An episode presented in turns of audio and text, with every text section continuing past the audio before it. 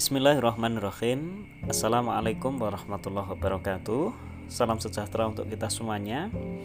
Adik-adik mahasiswa semester 1 yang Pak Moko banggakan Syukur Alhamdulillah pada kesempatan kali ini Pak Moko bisa kembali menyapa adik-adik semuanya Melalui podcast di topik yang ke-6 ini ya Pada mata kuliah ilmu pendidikan um, mudah-mudahan semuanya dalam keadaan sehat ya dan senantiasa diberikan semangat untuk terus menerus kita melanjutkan kegiatan belajar kita ya. Meskipun tentu uh, kita semuanya merasakan begitu ya ternyata memang uh, apa namanya beban ataupun tugas belajar kita tentu jauh lebih uh, berat jika dibandingkan dengan uh, perkuliahan tatap muka ya atau secara luring tetapi mudah-mudahan dengan optimisme semangat kita dan niat tulus kita untuk terus belajar uh, mudah-mudahan Tuhan yang Maha Esa Allah Subhanahu wa taala senantiasa menguatkan kita semuanya.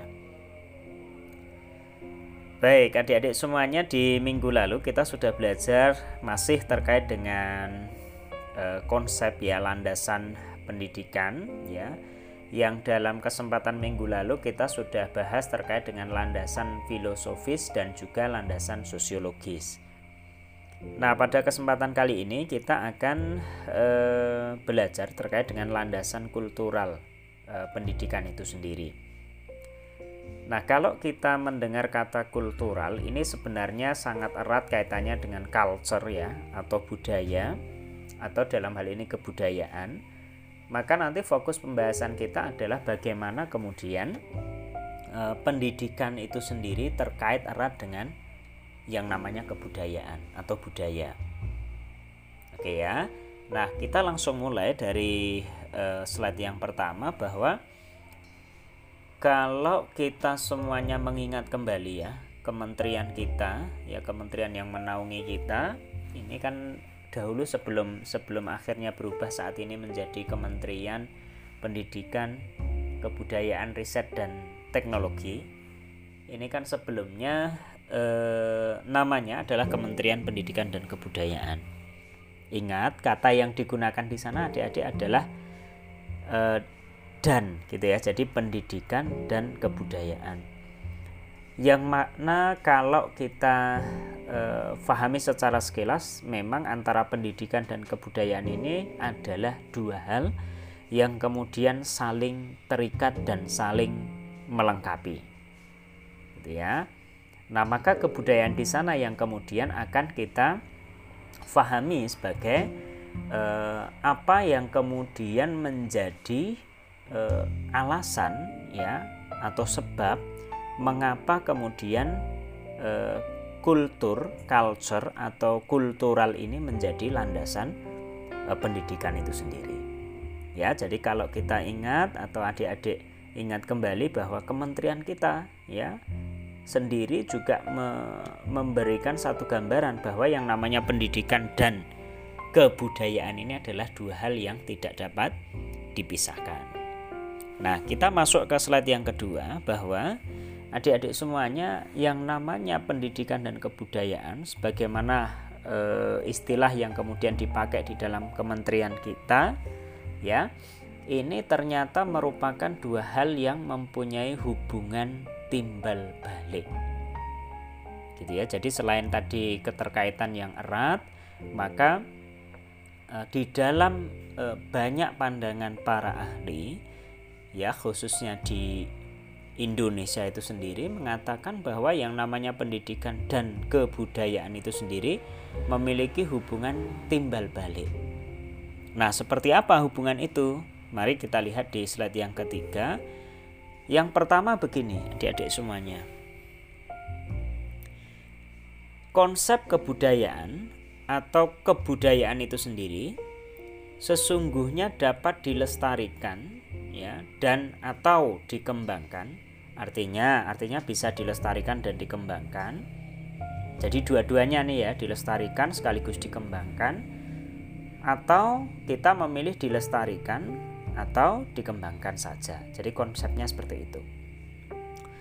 Dengan cara apa? Yakni dengan cara mewariskan dari generasi ke generasi berikutnya. Generasi di atas kita kepada kita kemudian generasi kita nanti kepada generasi yang ada di bawah kita. Begitu seterusnya. Lalu kemudian kalau itu ada proses pewarisan, maka piranti utamanya apa? Ternyata piranti utama, perangkat utama, sarana utama untuk mewariskan kebudayaan itu sendiri adalah melalui pendidikan. Ya. Oke, jadi kebudayaan itu sendiri dapat dilestarikan melalui proses pewarisan ya eh, dalam rangkaian proses pendidikan atau kebudayaan itu diwariskan melalui pendidikan. Nah, itu yang pertama. Gitu ya. Jadi tumbuh berkembangnya lestarinya sebuah kebudayaan itu berkat atau karena proses pendidikan itu sendiri. Nah, kemudian kita masuk ke slide yang keempat. Ini tadi yang pertama ya. Kemudian berikutnya slide yang keempat mengatakan bahwa kalau tadi kebudayaan itu akan diwariskan antar generasi melalui pendidikan, maka begitu pula sebaliknya, yakni ciri khas atau pelaksanaan atau proses pendidikan ini sangat ditentukan oleh kebudayaan masyarakat itu sendiri. Nah, gitu. Jadi timbal baliknya gitu. Tadi kebudayaan diwariskan melalui pendidikan, tetapi juga sebaliknya. Proses pendidikan itu sangat ditentukan, sangat dipengaruhi oleh kebudayaan masyarakat atau kebudayaan suatu bangsa. Gitu ya. Jadi kalau kemarin atau beberapa pertemuan yang lalu kita bicaranya terkait dengan bahwa pendidikan sebagai sebuah sistem yang mana di dalam sistem itu ada lingkungan ya kemarin itu yang berstrata ya melingkar berlapis-lapis itu ya tentu saja bahwa proses pendidikan itu salah satunya juga sangat dipengaruhi oleh oleh eh, apa nilai-nilai atau kebudayaan dari masyarakat itu sendiri gitu ya jadi timbal baliknya adalah kebudayaan akan lestari karena pendidikan dan sebaliknya juga pendidikan akan sangat dipengaruhi oleh kebudayaan masyarakat yang ada atau kebudayaan tempat pendidikan tersebut berlangsung. Nah, itu jadi timbal baliknya adik-adik. Dan kemudian maka tadi alasan utama dilekatkannya antara pendidikan dan juga kebudayaan. Nah, sekarang kita tentu bertanya ya, e, sebenarnya eh, apa eh, makna kebudayaan itu sendiri? Ya jadi kalau kalau pendidikan kita sudah paham ya. Lalu kemudian apa sebenarnya kebudayaan di sini sebagai landasan kultural itu tadi.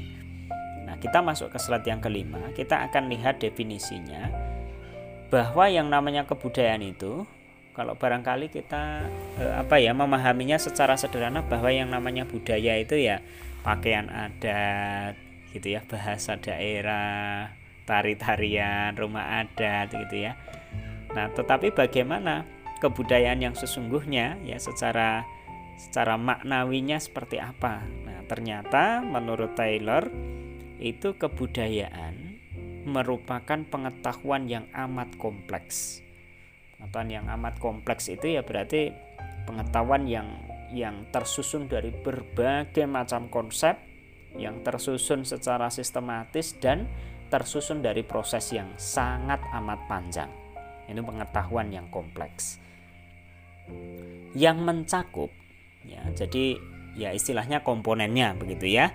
Yang mencakup apa saja? Ya pengetahuan itu sendiri, kemudian kepercayaan, kesenian, moral, hukum, adat istiadat, kemampuan-kemampuan yang dimiliki oleh masyarakatnya, kebiasaan-kebiasaan yang dimiliki oleh masyarakatnya. Oke, jadi kalau kita bicara yang namanya kebudayaan itu tidak hanya terhenti dari tadi adik-adik, tidak hanya terhenti pada adat istiadat dan kesenian saja. Gitu ya. Jadi bahkan pengetahuan, kepercayaan, kemampuan, gitu ya, kebiasaan, perilaku itu semuanya masuk di dalam yang disebut konsep kebudayaan menurut Tyler. Gitu ya. Jadi sekali lagi kebudayaan itu maknanya tidak hanya eh, sebatas tadi kesenian ataupun adat istiadat saja. Tapi lebih dari itu, ternyata kebudayaan itu jauh lebih lebih kompleks.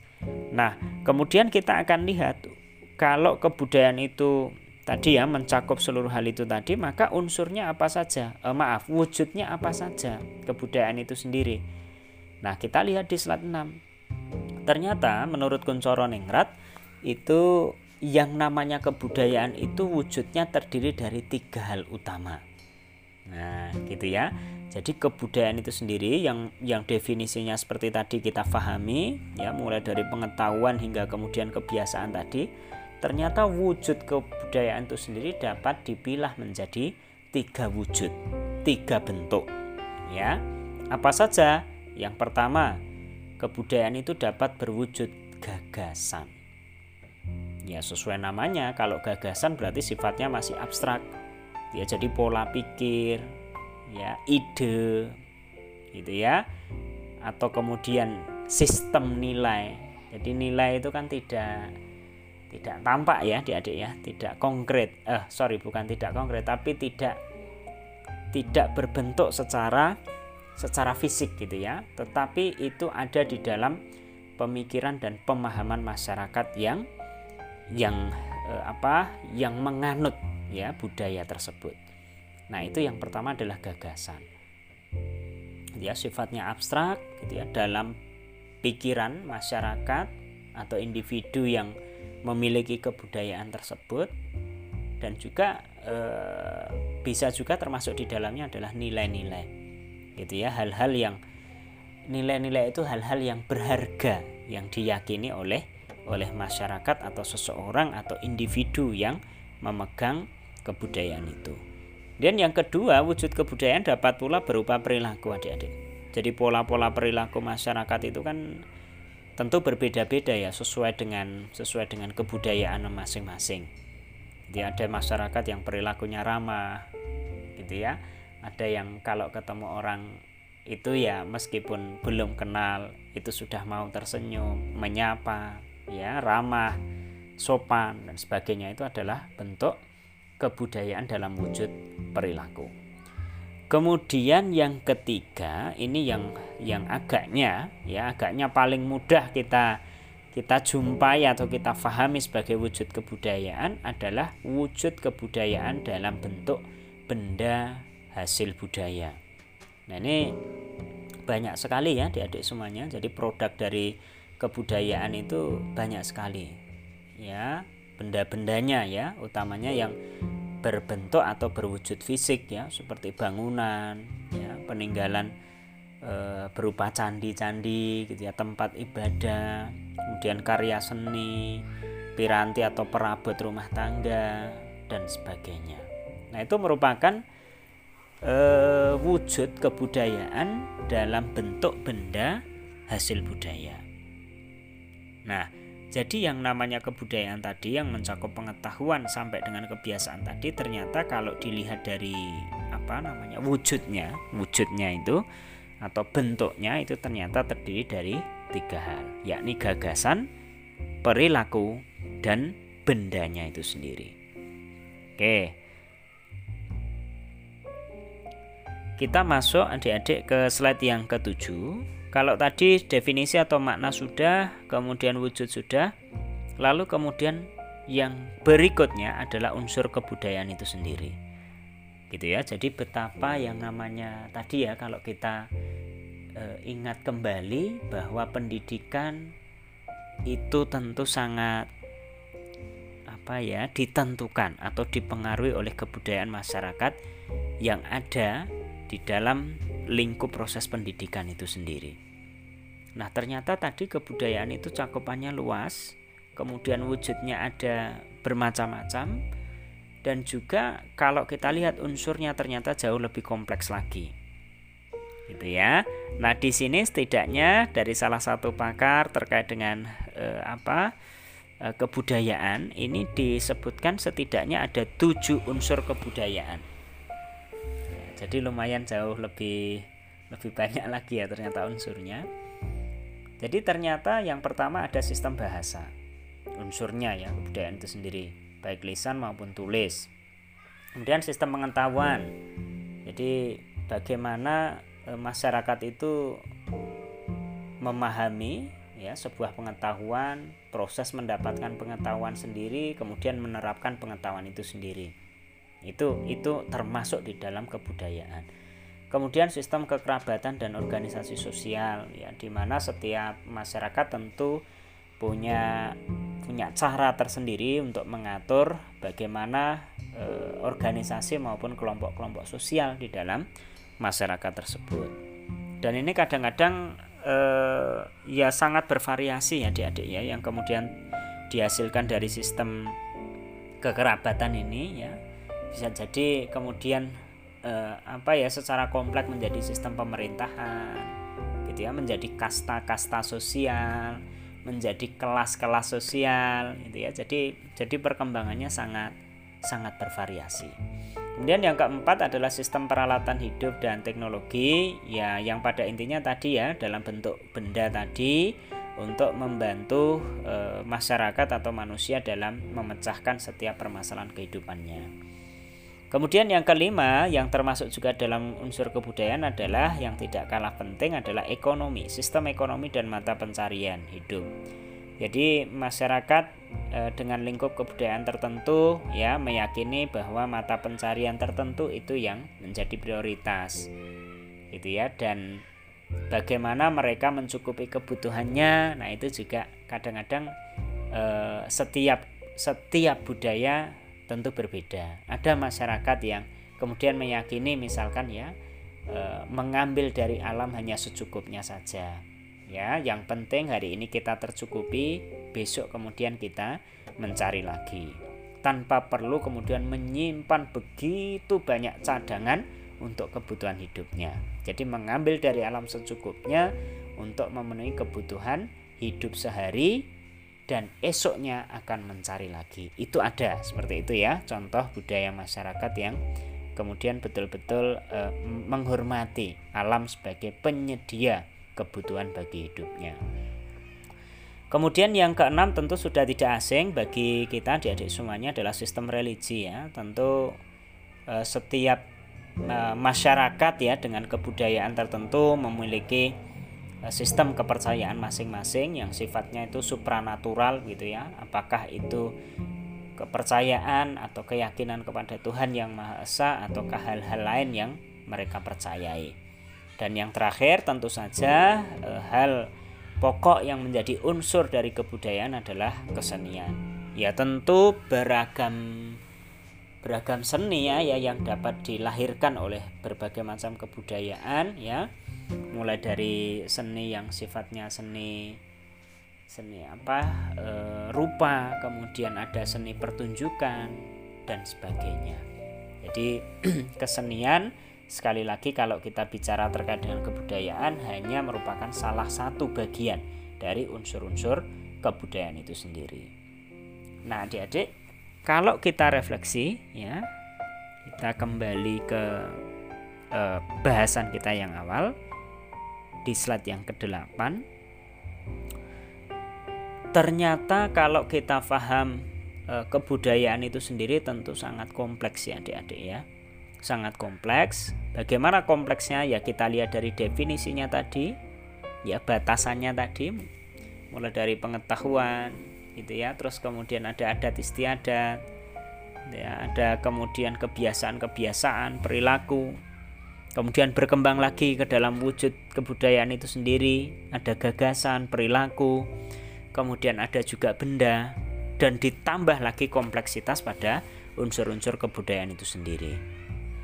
Maka sekali lagi, proses pendidikan itu sendiri adik-adik ya sangat dipengaruhi atau akan sangat terpengaruh oleh yang namanya kebudayaan ya tadi beserta wujudnya beserta unsur-unsurnya.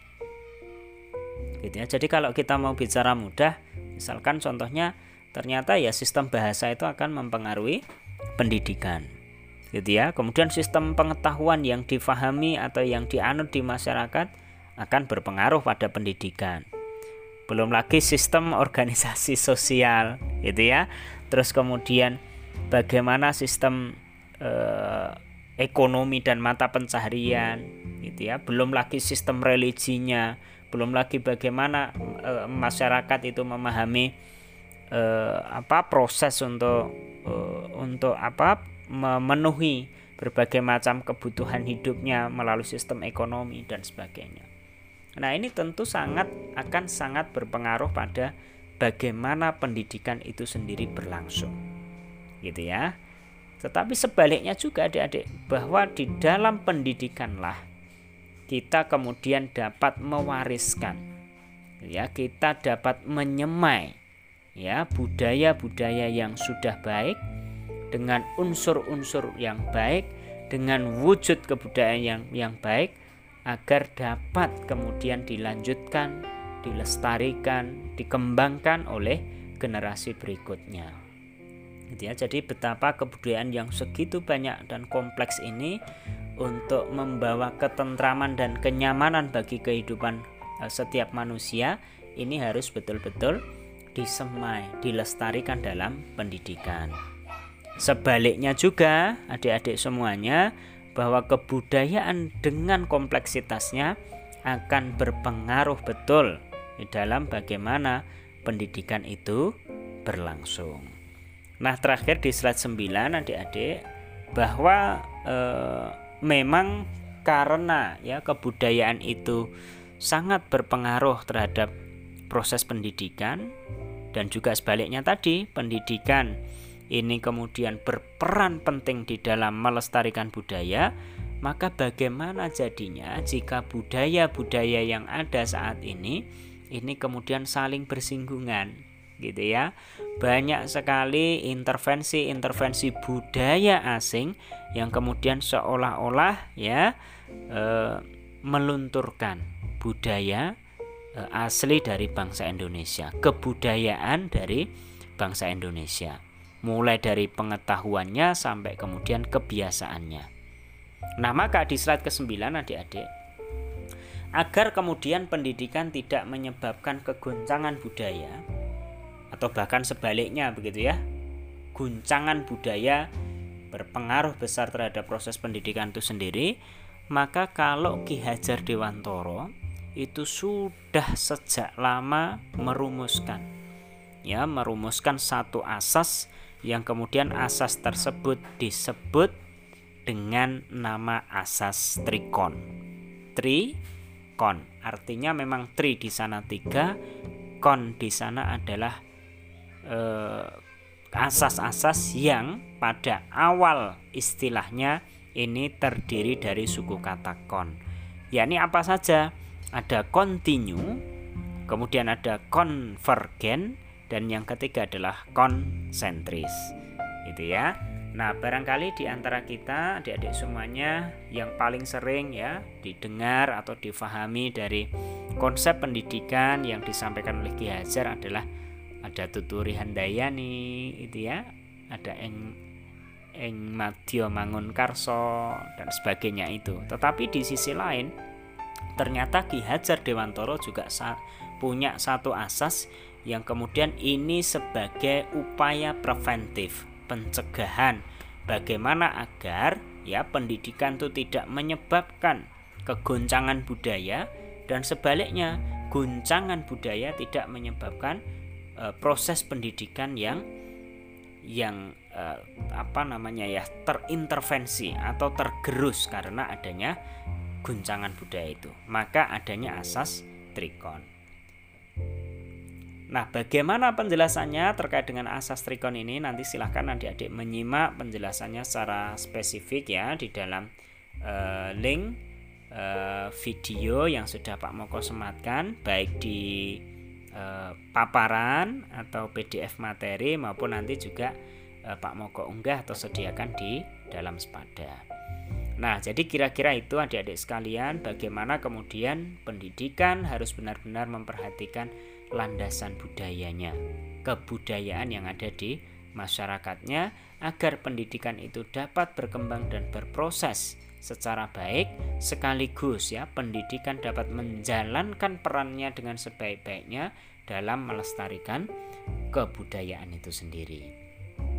Terima kasih, eh, mudah-mudahan bermanfaat adik-adik semuanya. Sebelum Pak Moko akhiri, ini sesuai dengan RPS ya, jadi sesuai dengan rencana bahwa adik-adik untuk topik landasan kultural ini nanti adik-adik akan digunakan ya sebagai um, bahan untuk UTS sehingga nanti ini ada satu produk ya ya kegiatannya tim base project. Jadi nanti secara berkelompok ini proyeknya adalah merancang gagasan implementasi ya landasan kultural dalam pendidikan. Artinya bagaimana budaya-budaya positif yang nanti adik-adik rancang yang dapat diimplementasikan di dalam pendidikan dan tujuannya untuk apa budaya-budaya positif itu. Nah, nanti untuk formatnya secara spesifik akan Pak Moko e, sampaikan ya secepatnya. Mudah-mudahan bisa menjadi gambaran adik-adik untuk nanti mulai e, membuat kelompok kerja ya, kelompok kerja. Ya, nanti masing-masing maksimal e, 5 mahasiswa ya, maksimal itu 5 mahasiswa. Nah, nanti silahkan adik-adik coba mulai sekarang e, memulai untuk diskusi kira-kira seperti apa rancangan budaya-budaya positif atau rancangan e, implementasi ya landasan kultural di dalam pendidikan. Oke, nanti secara teknis lebih detail akan Pak Moko segera sampaikan kepada teman-teman semuanya terkait dengan e, tim base project ini yang nanti akan kita gunakan penilaiannya sebagai penilaian UTS. Terima kasih adik-adik semuanya telah menyimak podcast ini ya mudah-mudahan sedikit banyak memberikan tambahan wawasan dan manfaat e, belajar kita di dalam mata kuliah ilmu pendidikan ini. Sekali lagi mohon maaf jika banyak kekurangan. Assalamualaikum warahmatullahi wabarakatuh.